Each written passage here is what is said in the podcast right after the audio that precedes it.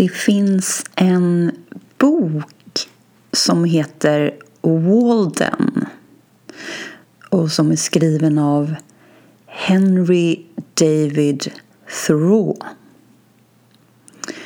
Och han skrev den här boken efter att ha levt och under tiden också som han levde ute i skogen i en liten stuga just vid en kärn som hette Walden. Därav titeln.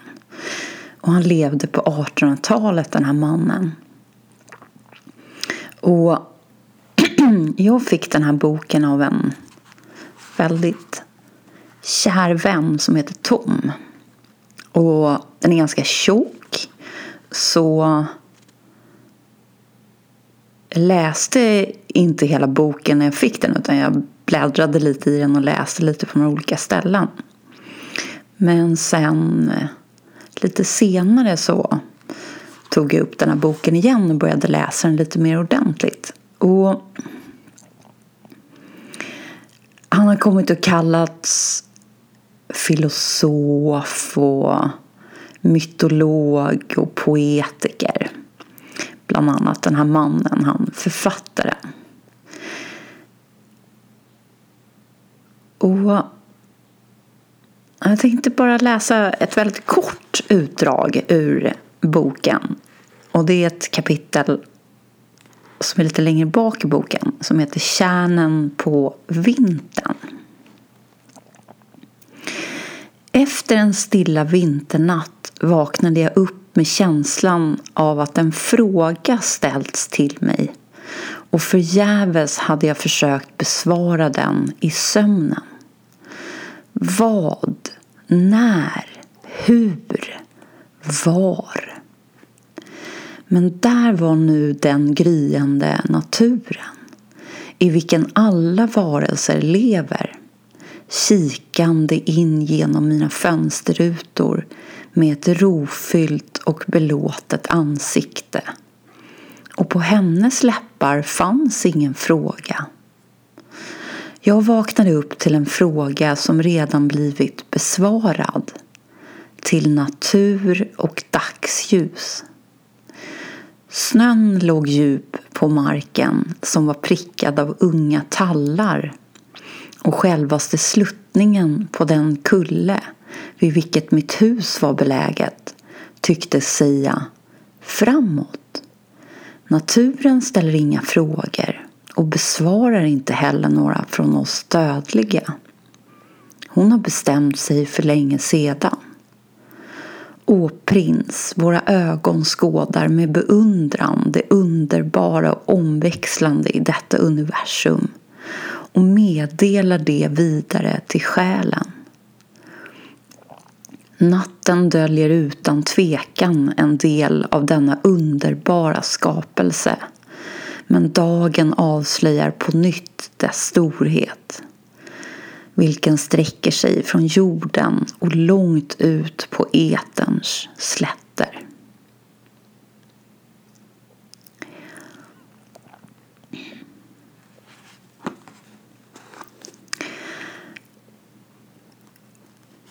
Och det är just lite det här att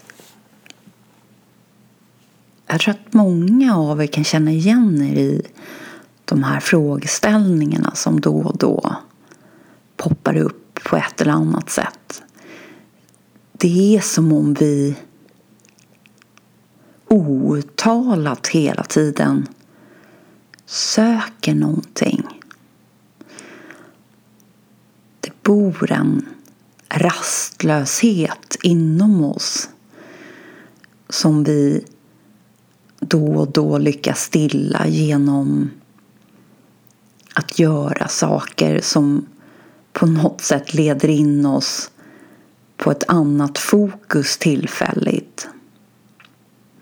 Så att rastlösheten och behovet av att söka tillfälligt stillas.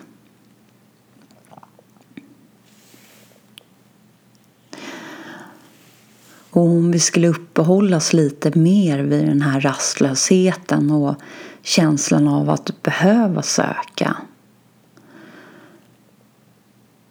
så skulle vi nog alla ganska snart komma fram till att känslan av att behöva söka och rastlösheten står för just frågor som handlar om vad vi gör här, vad som är syftet med det här, det vill säga med livet eller framförallt det vi uppfattar som vårat liv. Vart vi är på väg, vad allting ska leda till.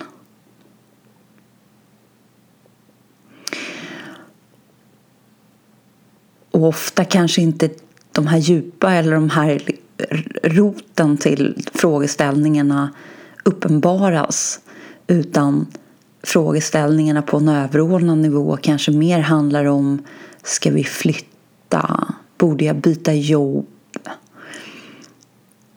Är min relation bra? Och så vidare. Att vi börjar att och gräva lite precis där vi står och vi tittar, vi gräver inte så djupt utan vi tittar lite runt omkring oss för att se var den här lite känslan av rastlöshet och sökande och kanske för vissa till och med jagande står för. Och till en början så hittar vi många små anledningar som det skulle kunna bero på. Men vissa av oss köper kanske inte riktigt dem utan väljer att gå lite djupare och ställa mer de rena existentiella frågorna som handlar om vad gör jag här? Vad är syftet med att jag är här? Vad är det här kanske till och med? Och vem är jag? Och som vi redan har varit inne på så var det precis också det som Buddha gjorde efter, enligt historien återigen, att han smitit ut ur slottet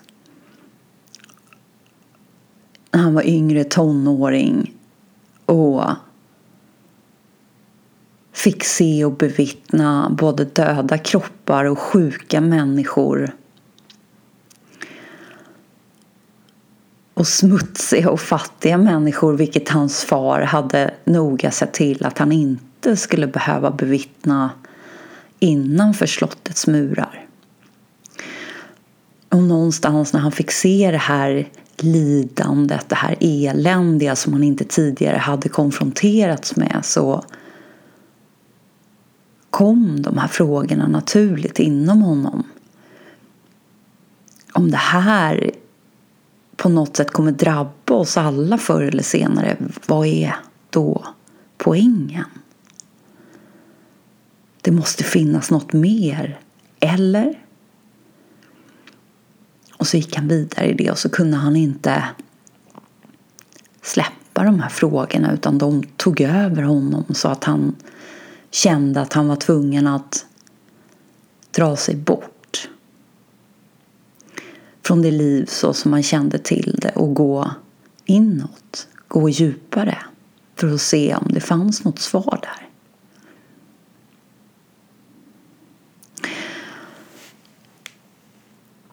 Och Henry David som skriver i boken här om just de här frågorna som man nästan upplever kommer till honom och som han inte lyckas besvara under tiden som han sover. Så han vaknar lite grann med dem och så möts han av naturen och inser att naturen behöver inte ställa de här frågorna. Naturen är. Solen ifrågasätter inte sin arbetsuppgift.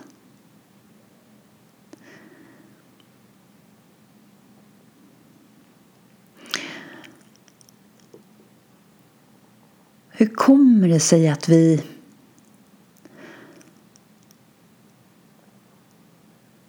på något sätt har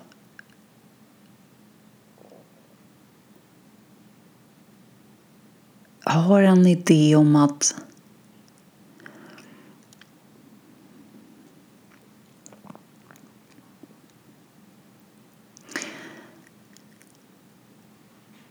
här världen så som vi känner till den, så som den uppenbaras för oss.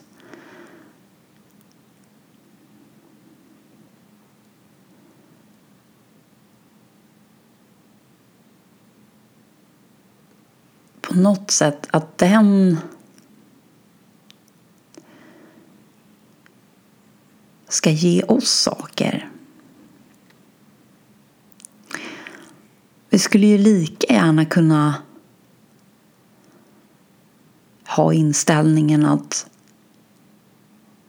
vi är här för världen. Vissa av oss kommer kanske dit i form av välgörenhet eller någon form av arbete där vi känner att vi verkligen kan bidra till den världen så som vi känner till det. Men väldigt många upplever att världen eller livet har varit missunnsamt mot dem.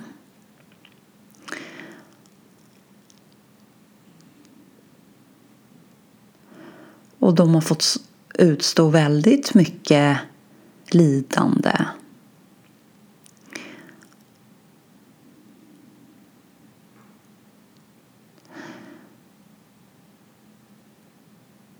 Men någonstans. Vad avser världen så finns det ju inte riktigt några sanningar som säger att världen så som vi upplever världen utifrån ett personligt perspektiv när vi är identifierade som en enhet, som en person i världen. Det finns ingen sanning skriven någonstans i Livets bok som säger att vi kommer att bli behandlade rättvist och vi kommer att få vår beskärda del av lycka. Vi kommer att i mesta möjliga mån undgå lidande av olika slag. Och om vi har givits bra fysiska förutsättningar från början så finns det ju heller ingen sanning som säger att det är någonting som vi kan ta för givet.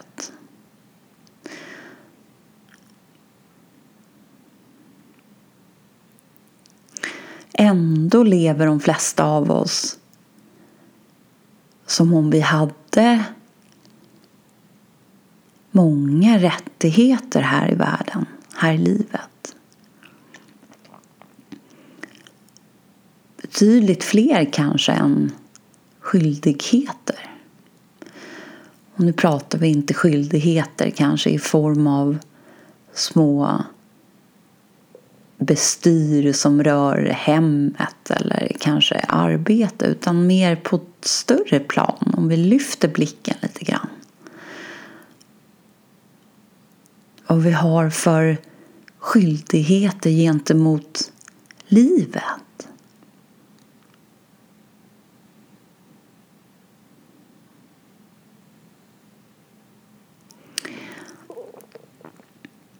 Jag har hört Morsi säga och det kan hända att han inte var den första som uttalade de här orden men jag har hört honom säga det. Live as though you have no rights. Lev som om du inte har några rättigheter. Och när han säger det så handlar det väldigt mycket om att de här tankarna som någonstans har kommit till oss och som vi har valt att ta in i våra hjärtan och göra till sanningar egentligen står i vägen för att vi ska känna oss nöjda och lyckliga. Och de handlar väldigt mycket om rättigheter, outtalade rättigheter om livet och indirekt om livets spelregler. Så genom att backa ut ifrån de konceptuella sanningarna och föreställningarna och istället leva vårt liv som om vi inte hade några rättigheter. Som om varje dag snarare var en gåva. En gåva till oss men ännu mer en gåva till världen.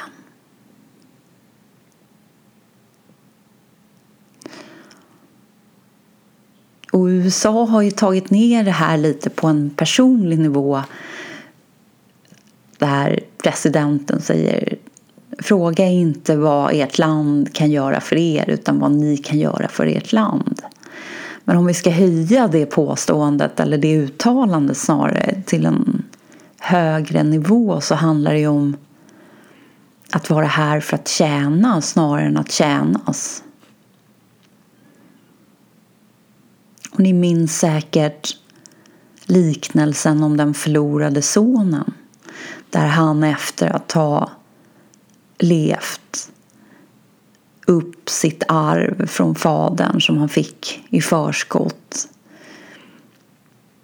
Och pengarna var slut och det blev hungersnöd i landet och han inte längre hade i princip någonting alls så påminde hans minne honom om hur snäll och givmild och rättvis hans fader var och att han faktiskt skulle ha det bättre som tjänare hos honom än vad han hade det nu. Så när han återvänder till fadern och till hemmet så står han där villig och redo att tjäna fadern.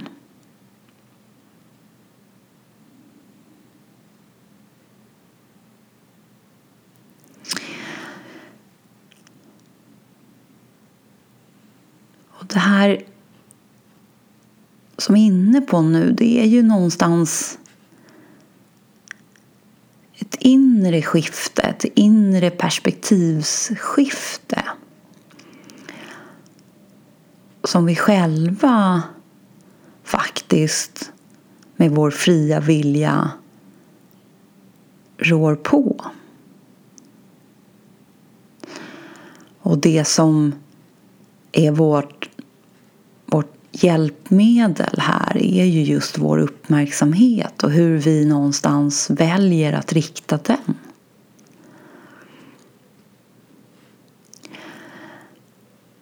Men också insikten om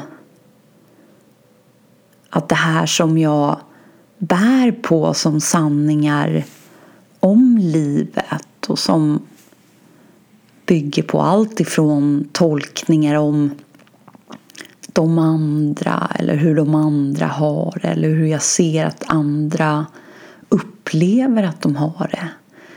För det är ju framförallt vår upplevelse. Det behöver ju inte på pappret vara så att två individer har exakt lika men upplevelsen hos den ena är väldigt mycket tacksamhet och att de är rika på många sätt. Medan den andra individen upplever något helt annat. Men på pappret så skulle vi kanske gissa tvärtom. Så att det ligger sällan en sanning i den yttre livssituationen. Utan det handlar mer om vår egen upplevelse och indirekt vår egen tolkning av vår livssituation. Och tolkningen görs ju genom att vi tar in intrycken och relaterar eller jämför det med någonting. Och det vi jämför med är ju vår lite grann inre sanning. Vår inre sanning om livet och hur livet borde vara. Och vad livet borde erbjuda oss och vad andra människor borde erbjuda oss eller hur de borde behandla oss. Och när den jämförelsen har gjorts så konstaterar vi antingen att livet och andra människor lever upp till våra förväntningar men kanske i de flesta fall att de inte gör det och att livet inte gör det.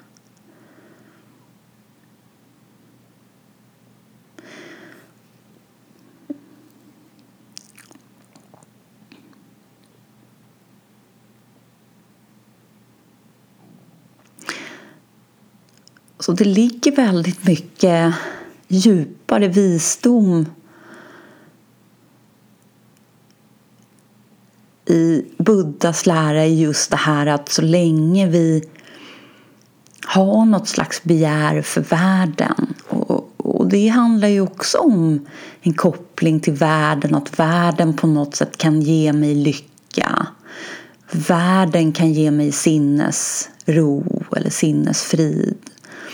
På något sätt att vi upplever att det är världen som kan förse oss med det som vi mest av allt längtar efter och åtrå. Inklusive frihet som vi var inne på igår. Att världen kan ge mig frihet genom att förse mig med livssituationer som till synes ser fria ut. Så så länge vi har det beroendet kvar, ja då är vi ju fjättrade i våra bojor. Då är vi bundna till världen. Då är vi egentligen inte enligt Krishnamurti fria. För så länge vi vill bli någonting, inklusive vi vill bli fria i den här världen, då har vi berövat oss ifrån vår frihet. Så Buddha säger då väldigt klarsynt att så länge vi är på något sätt kopplade till världen och har någon slags begär kvar i världen så kommer det ofrånkomligt leda till lidande. Och till slut så blir lidandet så pass påtagligt mönstren så pass påtagliga att vi känner att nu räcker det lite grann. Nu, nu känns det som att jag har varit med om det här så många gånger och jag, jag kommer inte riktigt längre eller jag orkar inte gå längre därför att jag vet redan exakt vad det handlar om. Och när vi når dit, det är en så kallad blessing in disguise. Livet hjälper oss att lite grann säga stopp.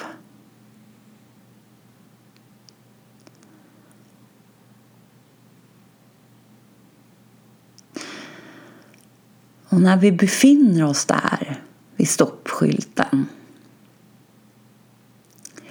och vi inte längre vill gå vidare i världen har vi ett gyllene tillfälle att faktiskt gå lite grann åt ett annat håll, det vill säga inåt, hemåt.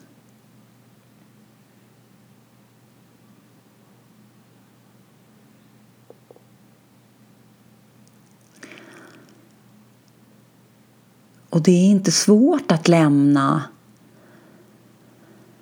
det yttre därför att det yttre kanske just nu inte alls lockar. Livssituationen lockar inte överhuvudtaget. Så att lämna den en stund känns befriande.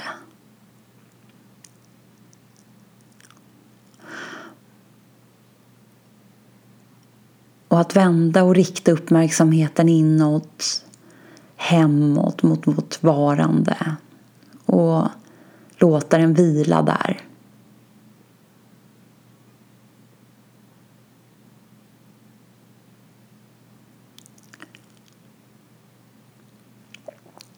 Och förbli där. Och då kommer de här insikterna utan att behöva få godkännande eller verifierande från intellektet. De bara kommer.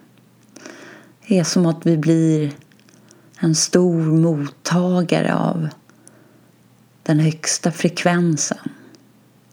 Den som vanliga parabolantenner inte kan ta in. Och allt bara tankas ner. Rakt in i vårt innersta väsen. Eller kanske täcks av snarare.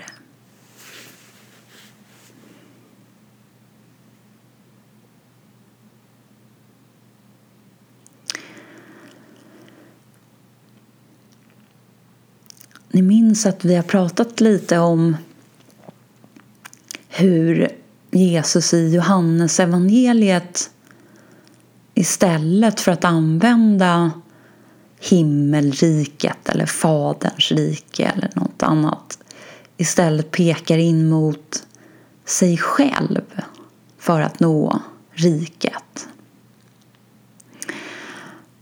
Och Jesus gör ett par kraftfulla uttalanden i eh, Johannes 14 kapitel 14 så säger Jesus bland annat så här. Jag läser på engelska. I am the way and the truth and the life. No one comes to the Father except through me. If you really know me, you will know my Father as well. From now on, you do know him and have seen him.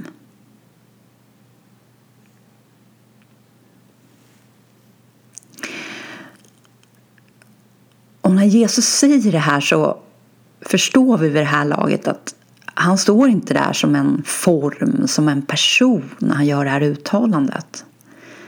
Han är hemma. Och här hörde jag Eckart Tolle just referera till det här uttalandet och han sa ungefär så här. Det känns som att författaren eller författarna har glömt ett litet ord här. Och jag känner precis likadant och det är därför som ni vet vid det här laget att jag är ofta mer ute efter essensen och framförallt också att hitta pekarna i Jesus uttalanden. Vad är det han vill peka oss någonstans? Han säger jag är vägen, sanningen och livet. Och, och hör vi det som en person här? Ja men självklart är ju Jesus personligen vägen, sanningen och livet. Men om vi nu går lite djupare här och inser att han talar utifrån en annan position. Han, han är någon annanstans med sin uppmärksamhet när han säger det här. Han är hemma.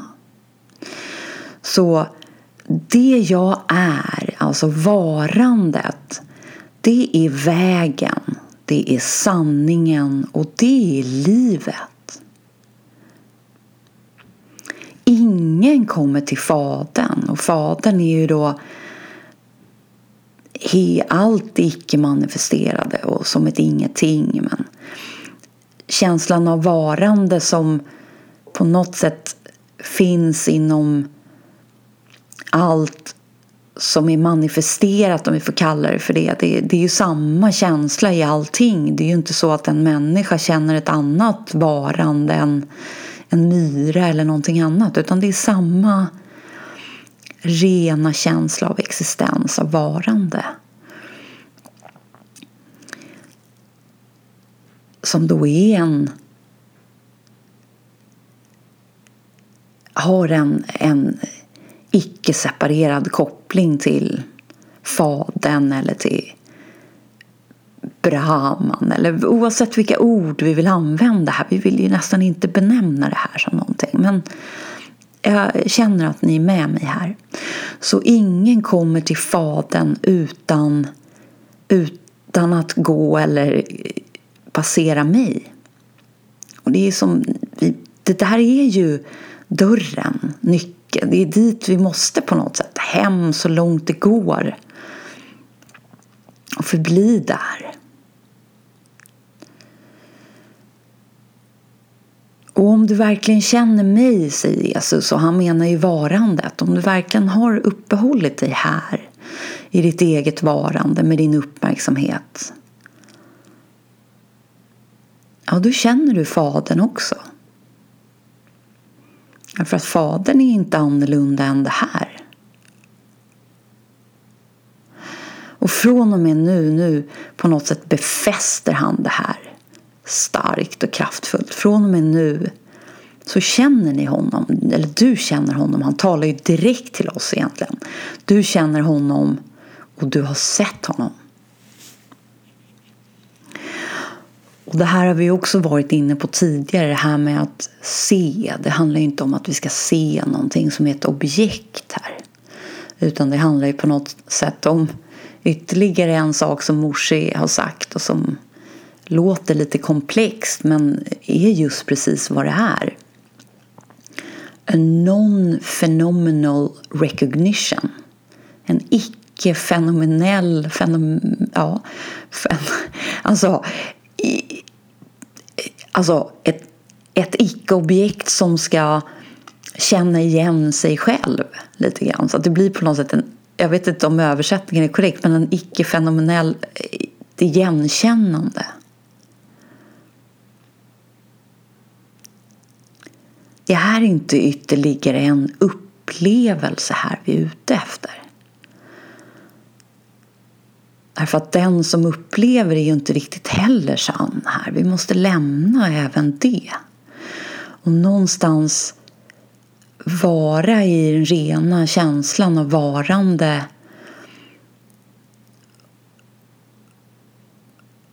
där på något sätt en ren intelligens är närvarande som bara kan konstatera eh,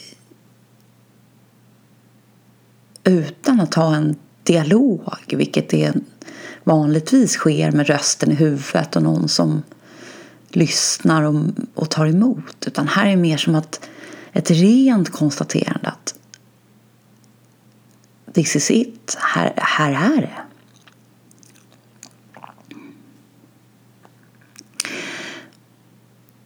Och sen i kapitel 12 i Johannes evangeliet så säger Jesus också så här. Jag läser igen på engelska. I have come into the world as a light so that no one who believes in me should stay in darkness. If anyone hears my words but does not keep them I do not judge that person, for I did not come to judge the world, but to save the world.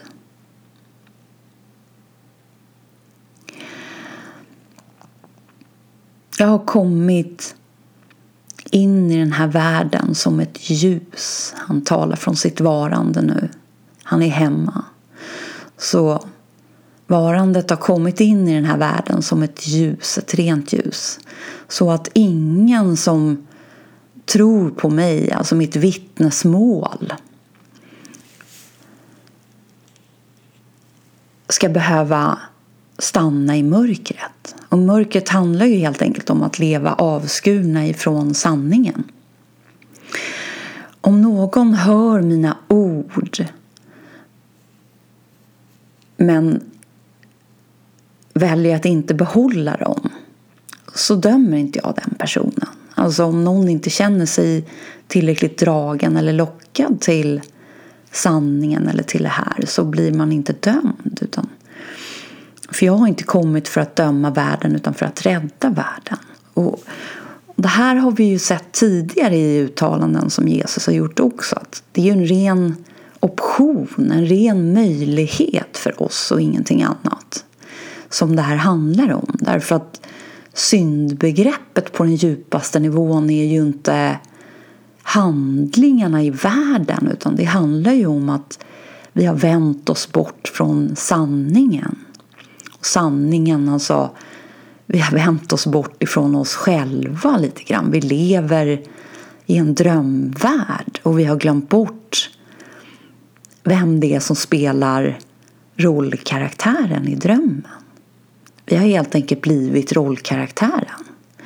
Så när vi går av på lunch så spelar vi fortfarande rollkaraktären. Vi tar aldrig av oss den där masken, den där personan.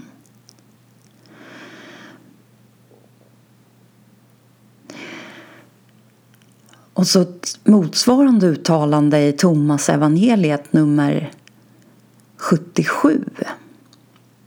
Jag läser också på engelska. Jesus said I am the light that is over all things. I am all. From me all came forth and to me all attained. Jag är ljuset som är över alla ting. Alltså på något sätt är det här också att först är jag här och sen tänds allt annat upp. Och det här har vi också varit inne på tidigare att för att världen ska finnas för mig så måste ju jag först som ett varande vara där. Annars existerar ju inte det här för mig. From me all came forth. Alltså, han upplever att han är det som är underliggande, det som är icke-manifesterat. Ur vilket det manifesterade, det relativa, det som uppstår och försvinner. Han har följt tankarna, han har bevittnat att tankarna uppstår ur ett ingenting de har ingen enhet som avsändare. De uppstår ur ett ingenting på samma sätt som molnen uppenbaras på himlen. Och sen har de sin livstid där och så försvinner de tillbaka. Och på något sätt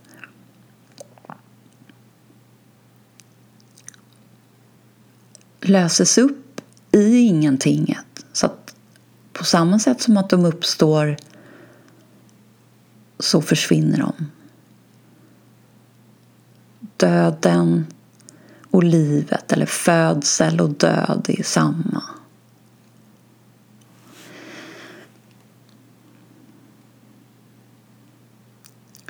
From me all came forth and to me all attained. Så att allting kommer från mig och allting på något sätt upplöses, avslutas i mig. Split a piece of wood, I am there. Lift up the stone and you will find me there. Så klyv ett vedträ, där är jag. Lyft upp en sten. Där kommer du också att finna mig, eller där finns jag också. Och det är det här icke-manifesterade inget-tinget, det odefinierbara tomrummet som de här skarpaste fysikerna har konstaterat att det, det finns där. Det är där och det omger allting och det genomsyrar allting. Men vi kan inte riktigt säga vad det är för någonting. Det är definitivt ett ingenting Och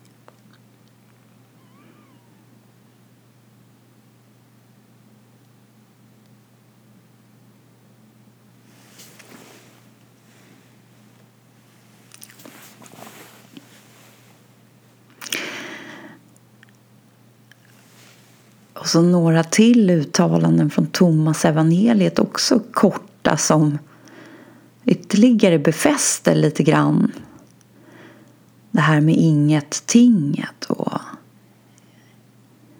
till en början att det kan kännas ovant och väldigt lågmält och finstilt därför att vanan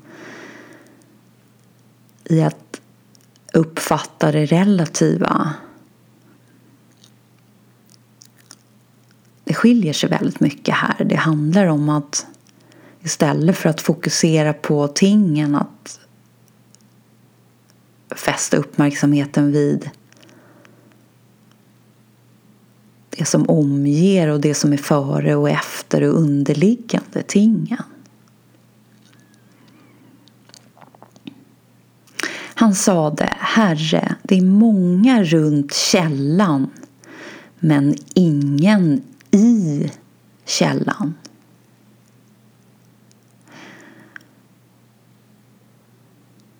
Och för att nå källan, för att bada i källan, för att vara ett med källan. Ja, vägen dit är ju en icke-väg som handlar om att lämna det identifierade jaget genom att inte vidröra tankar som också bär på minnen och vår historia och får oss att uppleva att vi är en enhet som en mottagare.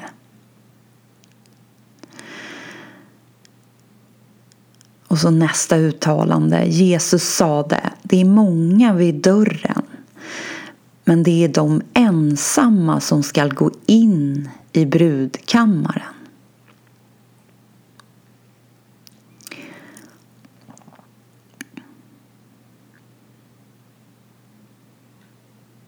Och ensam som ord här, det, det är också lite översättningar i vanlig ordning men det kan ju då kännas tungt här men, men det handlar ju som vi nog ändå känner här, pekaren handlar om att vi, vi kan inte gå in som något ting. Vi kan inte ta med oss världen in i brudkammaren. Så länge vi har en koppling till världen så kan vi inte riktigt komma in. Och just brudkammaren och bruden och brudgumman det, det är återkommande ord i några andra av Jesus liknelser. Och även här använder han just brudkammaren att vi vill in men vi kommer inte in så länge vi vill ha något litet följe in. Det går inte.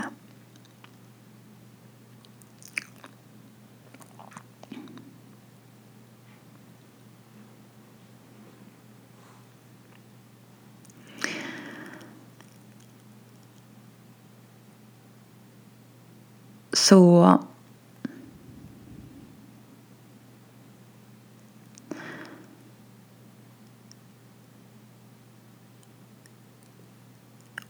om vi vill ha lite sinnesfrid om vi vill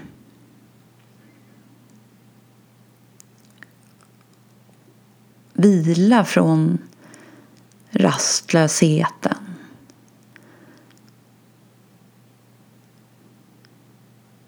Känslan av att vara på väg.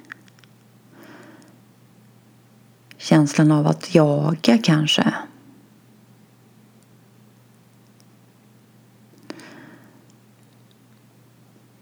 Och få sann vila.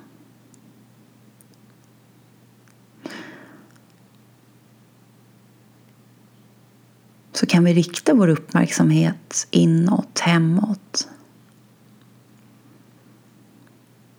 Och vända oss bort från världens brus, från tankar, från känslor. Vi behöver inte identifiera oss som en mottagare och som en ägare av varken tankar eller känslor. Låt ångest eller stress eller någonting annat vara där utan att göra den till just din. Förbli nollan. Nollan kan inte vara annat än noll. Allt gånger noll blir noll. Det kan inte hända någonting i nollan. Det kan komma ett väldigt högt tal men det kommer inte hända någonting i alla fall. Så länge nollan är involverad så blir det ändå noll.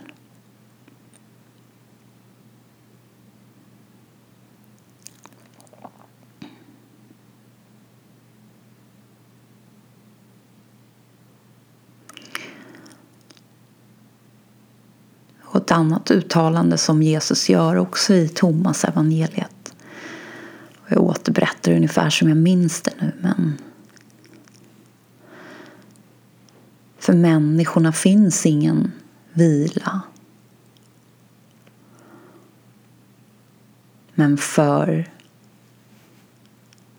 den som är hemma, där finns sann vila.